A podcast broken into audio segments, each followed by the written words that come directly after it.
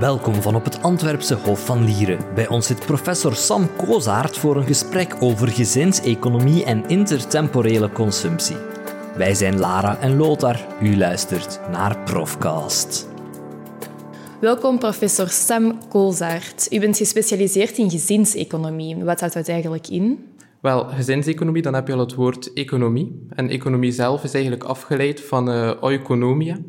Een oikonomia, een Grieks woord eigenlijk, betekent management van een huishouden. Dus eigenlijk management van een huishouden zit al in het woord economie. En natuurlijk was dat zeer algemeen ook, kan dat geïnterpreteerd worden als de overheid moet een land besturen als een goede huisvader. Dus eigenlijk niet meer uitgeven dan dat er binnenkomt, ruw, ruw gezegd. Nu, gezinseconomie meer bepaald is dan echt wel de studie van de beslissingen van een gezin. En het gezin wel, is wel een belangrijke basis van economische beslissingen. Als je nadenkt over het kopen van een huis, um, uw consumptie kiezen bijvoorbeeld, uh, arbeidsaanbod, ook tijdsverdeling, investeren in kinderen. Dus eigenlijk allemaal zeer belangrijke beslissingen die genomen worden in de context van een huishouden. En drie aspecten daarbij zijn belangrijk, denk ik. Dus een eerste aspect uh, is schaalvoordelen. En dus in een gezin, je hebt natuurlijk een, een totaal huishoudelijk inkomen, maar uh, ja, als dat gespreid kan worden over meerdere individuen, dan is dat vaak interessant. Denk bijvoorbeeld aan vaste kosten, hè, vaste kosten voor verwarming van een huis of huur van een huis. Natuurlijk, als dat gespreid kan worden over meerdere individuen, ja, dan komt dat voordelig uit. Um, dan heb je natuurlijk ook de, de verdeling van consumptie. Dus de verdeling van consumptie over de verschillende gezinsleden is wel belangrijk, want is ook een belangrijke dimensie van ongelijkheid. En dan uiteindelijk, derde aspect, uh, investeren in kinderen, ook zeer belangrijk. Het is dus echt uitgewezen dat uh, uitgaven aan kinderen, maar ook de tijd die ouders spenderen met hun kinderen, dat dat zeer belangrijke impact heeft op de lange termijn voor ontwikkeling ook van, van die kinderen. Ik kan ook nog iets meer uitleg geven over de evolutie van gezinseconomie van eigenlijk ja, de 18e eeuw tot nu. Dat is wel zeer lang terug, maar um, eigenlijk de interesse van economen gaat zeer, zeer ver terug. Eigenlijk al tot Adam Smith of Malthus. Dat is 18e eeuw. En um, ja, die onderzoekers, daar lag de nadruk vooral op ten eerste, wat is eigenlijk het minimuminkomen, het minimumloon dat de huishouden nodig heeft om zich te kunnen onderhouden, van levensonderhoud. En dan ook ja, eigenlijk voor een stabiele stroom van arbeidskrachten te hebben in de economie. Dus daar was vooral de grootte van het gezin heel belangrijk. Dus men, focust echt op de keuze van het hebben van kinderen, uh, hoe groot moet een gezin zijn, om dan een, een, een, stabiele instroom te hebben eigenlijk van werkkrachten in de economie. Dus dat was vooral 18e eeuw. Uh, tegenwoordig is er meer aandacht voor impact van het gezin op individuele welvaart. Dus wat is de individuele welvaart van de gezinsleden? En dan denken we opnieuw aan die household production. Dus household production is echt het gebruik van uh, uitgaven en het gebruik van tijd van de ouders om eigenlijk te investeren in die kinderen. Opnieuw verdeling van middelen binnen het gezin. En ook een, een vorm van verzekering. dus als je een werkende partner hebt, is dat eigenlijk een soort verzekering tegen inkomensverlies. En dus je hebt altijd nog het inkomen van die partner. Daarbij kan ook gezegd worden, dus de economische wetenschap die focust vaak op uh, welvaart en veranderingen in welvaart. Maar het object van belang hier is dus echt wel welvaart van een individu, niet welvaart van een gezin. dus het is een, een individu dat, dat welvaart heeft en niet een gezin dat welvaart heeft, per definitie. Dus wat betekent dat nu eigenlijk concreet? Dus ongelijkheid tussen gezinnen is niet noodzakelijk gelijk aan ongelijkheid tussen individuen. En dus het is mogelijk om een relatief arme man te zijn, of een arme vrouw, in een rijk huishouden. En het is ook mogelijk om een relatief welgesteld individu te zijn in een arm huishouden. dus dat komt omdat het niet zeker is dat een huishouden eigenlijk het totale budget um, deelt door twee. En dus die verdeling kan, kan nog redelijk ongelijk zijn binnen een, binnen een gezin. Ja, dus iemand kan rijk zijn zelf en toch in een arm gezin zitten? Ja, relatief rijk dan. Ah ja, okay, dus het omgekeerde is gemakkelijker te begrijpen. Het is um, mogelijk om in een rijk gezin, dus een, een, gezin met veel middelen, maar als jij als partner bijna niets van onderhandelingsmacht hebt, en je krijgt dus niets van dat huishoudelijk inkomen, dan ben je eigenlijk arm. Dus ondanks het feit dat je gezin wel gesteld is, maar als individu ben je dan arm. En omgekeerd kan het ook zijn dat een, een huishouden arm is, maar dat toch veel van het resterende inkomen toch nog naar één van de partners stroomt. En dat die partner dus nog redelijk welgesteld is.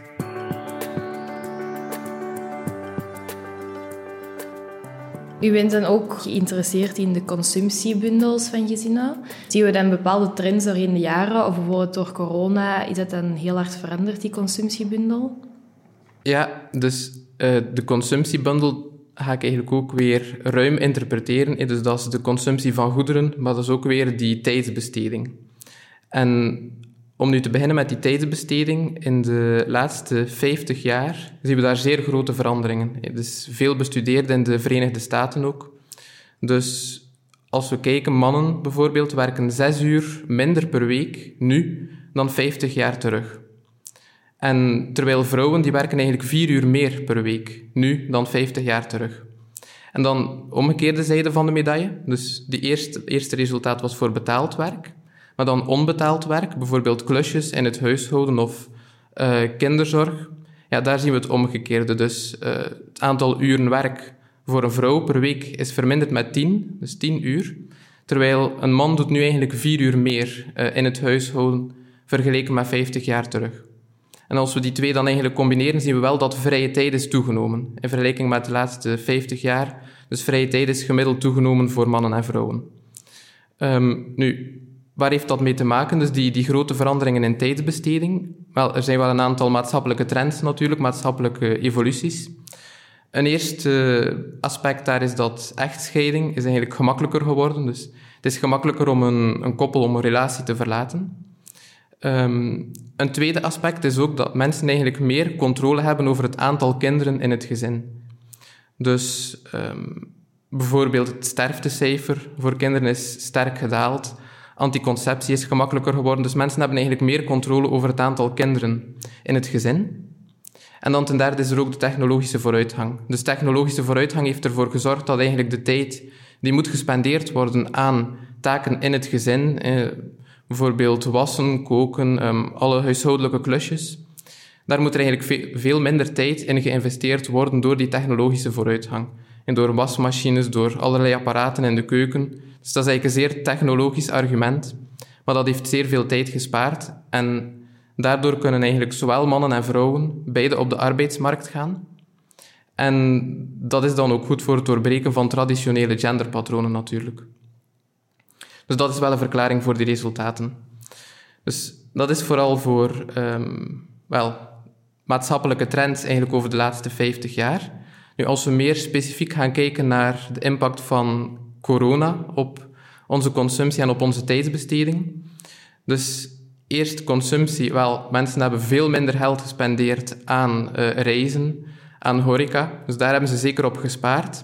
Anderzijds, waar is dat geld dan uh, wel in geïnvesteerd? Wel vooral alles rondom het huis. dus investeringen in de tuin, uh, opvraaiingswerken, renovatie binnenshuis. Zwembaden. Zwembaden, ja, onder andere, inderdaad. Dus dat, dat zijn allemaal zaken die, ja, waarin er dus veel geld is um, geïnvesteerd. Nu, wat tijdsbesteding betreft, hey, dat is ook minder verrassend, denk ik. Dus uh, veel minder woon-werkverkeer. Dus dat was eigenlijk een, een dimensie waarin gezinnen veel tijd sparen.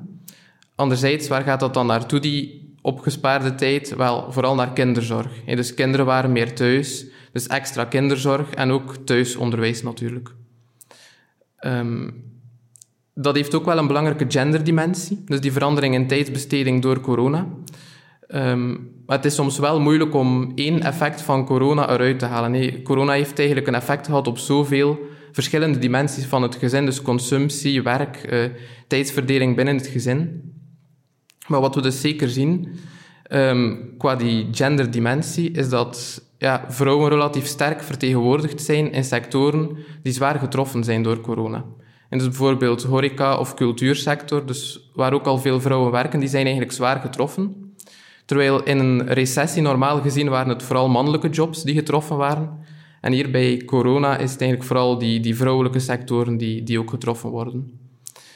Um, en een tweede aspect ook is dat vrouwen traditioneel meer werk op zich nemen in verband met uh, kinderzorg, in verband met thuisonderwijs. Dus dat was er ook wel eigenlijk meer druk voor vrouwen om die zorg op te nemen. Dus dat is slecht nieuws voor de genderdimensie. Er is ook potentieel goed nieuws. Um, en het goede nieuws bestaat dan uit ja, toegang tot flexibel werk. Dus dat is wel ook een evolutie sinds corona.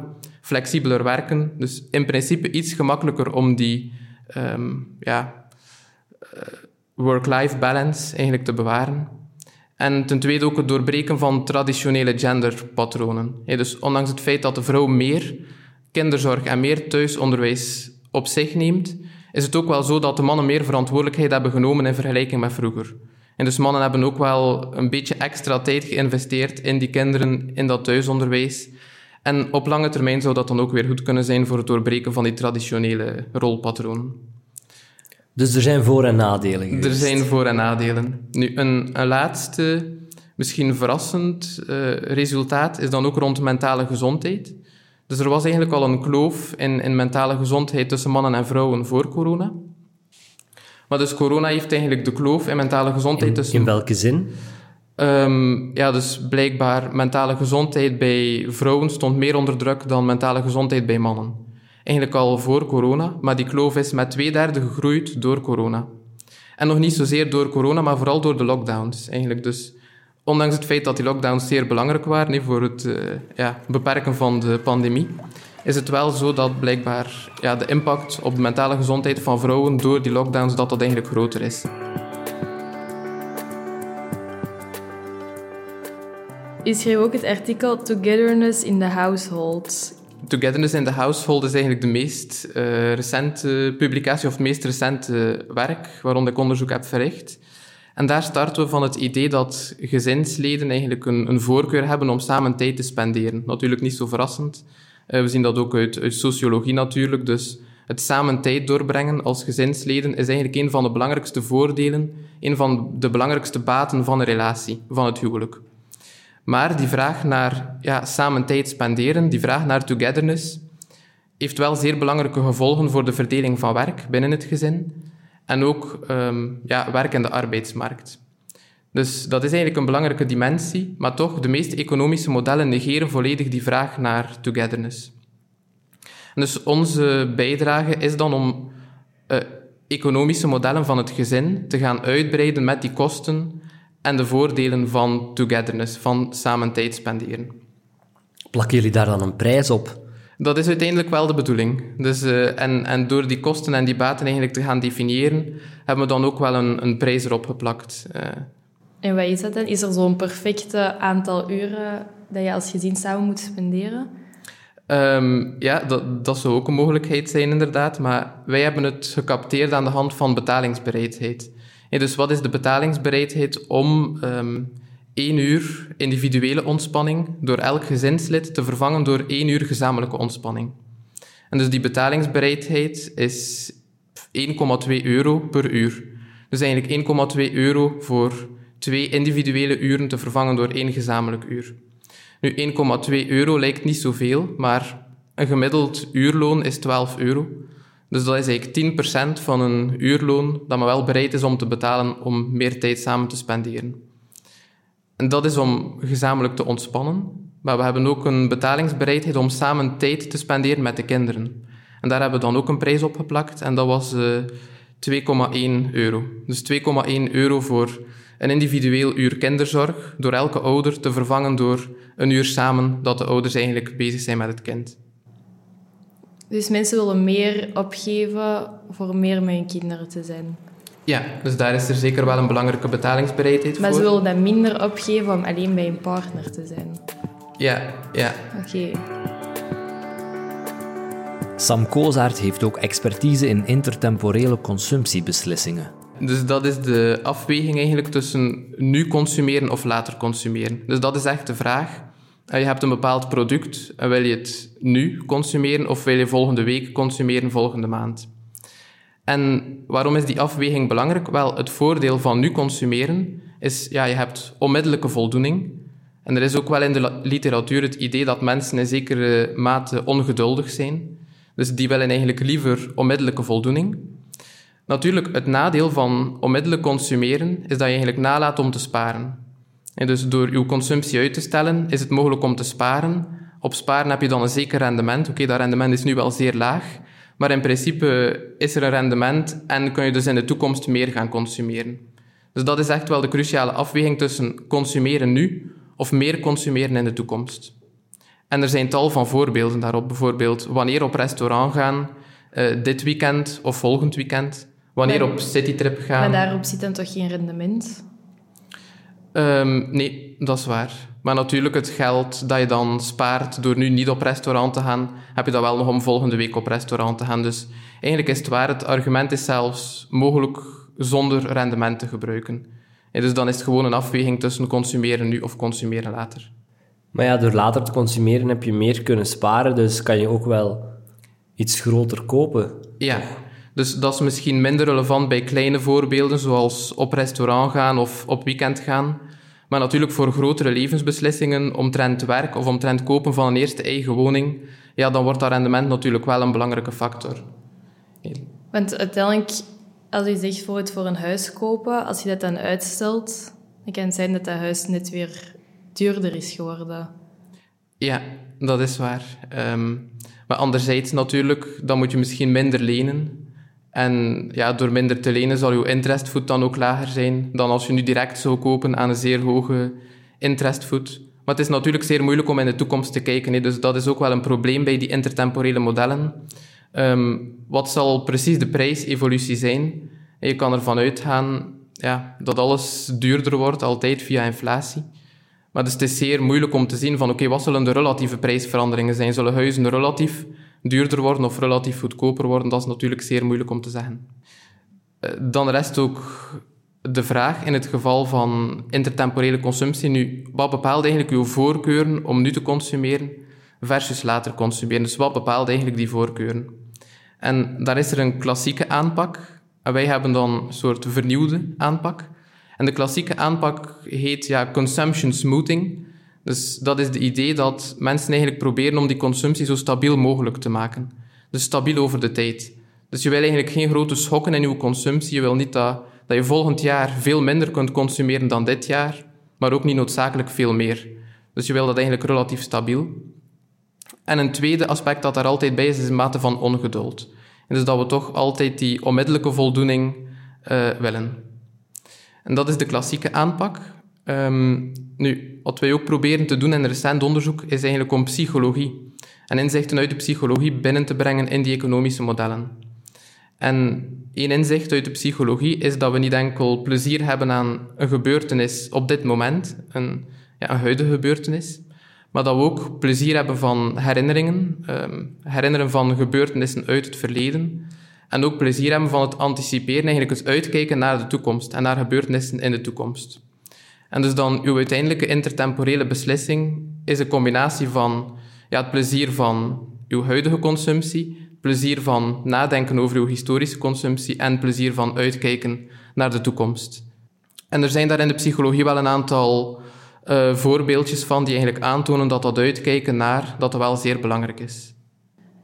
Ja, ze zeggen dat ook altijd. Hè? Ja, de weg naar ergens is even leuk als het er zijn. Of ik weet niet hoe ze het exact zeggen, maar dat is zoiets dat je inderdaad vaak hoort. Ja, klopt. Ja, het komt, er, het komt erop neer. Ja. Dus de weg er naartoe is belangrijker, dan het doel. Ja, dan de bestemming. En het is, denk um, een aantal psychologen zoals Leuwenstein en Prelek hebben ook wel experimenten gedaan in die richting. Dus die hebben bijvoorbeeld gevraagd, uh, wat is uw betalingsbereidheid uh, om een kus te krijgen van uw favoriete filmster of uw favoriete beroemdheid?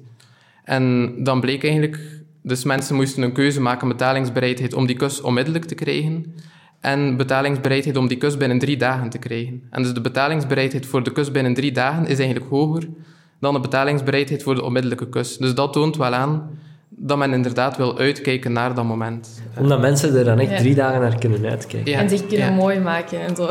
Ja, klopt. En het omgekeerde... Dat het misschien nog iets meer wordt. Volgens de professor worden er bij dergelijke intertemporele consumptiebeslissingen vaak denkfouten gemaakt. Een eerste denkfout daar is uh, projection bias. En projection bias betekent eigenlijk dat je voorkeuren op dit moment gaat projecteren, letterlijk op de toekomst. Dus je denkt van oké, de voorkeuren die ik nu voel, dat zijn ook de voorkeuren die ik in de toekomst zal hebben. En, en je onderschat dus eigenlijk in welke mate dat je voorkeuren kunnen veranderen. En een triviaal voorbeeld is als je naar de supermarkt gaat en je doet boodschappen en je bent zeer hongerig, ja, dan is de kans groot dat je eigenlijk meer gaat kopen omdat je nu hongerig bent, dan ja, moet je niet hongerig zijn. Dus alleen al dat heeft eigenlijk een, een verschil. Een minder triviaal voorbeeld is de studiekeuze. Dus het is gebleken dat mensen, ook wel ergens logisch, liever studeren als het slecht weer is. Dus als het grijs is en regenachtig. Um, maar dat betekent dan ook, als er een studiekeuze gemaakt moet worden en die studenten gaan een campus gaan bezoeken, en het is slecht weer tijdens het campusbezoek, dat er meer kans is dat ze zich inschrijven. Omdat ze de slecht weer associëren met studeren. En dus men denkt, oké, volgens die voorkeur ga ik mij dus inschrijven om te studeren. Terwijl ze de campus bezoeken op een zeer mooie dag, blauw weer, eh, zonneschijn, dan ja, associëren ze dat dus niet met studeren en dan gaan ze dus ook niet inschrijven. Dan denken ze op een zonnige dag ga ik beter ja. uh, ergens zwemmen en op een terrasje zitten. Dus de invaldagen ja, moeten gepland worden op slechte weerdagen. Ja, ik, zal, ik ga het in de winter ja. dan.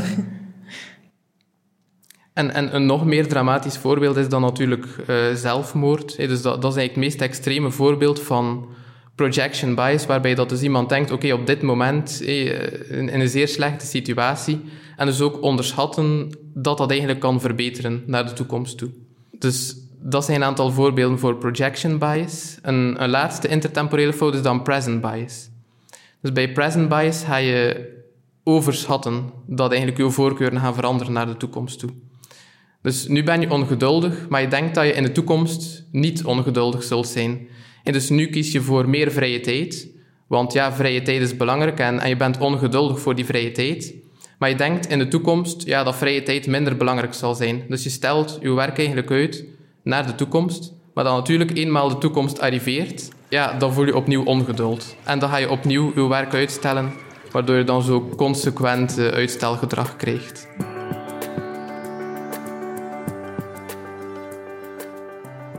Ook over gedragseconomie heeft professor Sam Koolzaert interessante dingen te vertellen. Met die gedrags- behavioral economics of gedragseconomie gaat men eigenlijk vooral kijken naar gedrag ook uit psychologische experimenten en uit sociologie.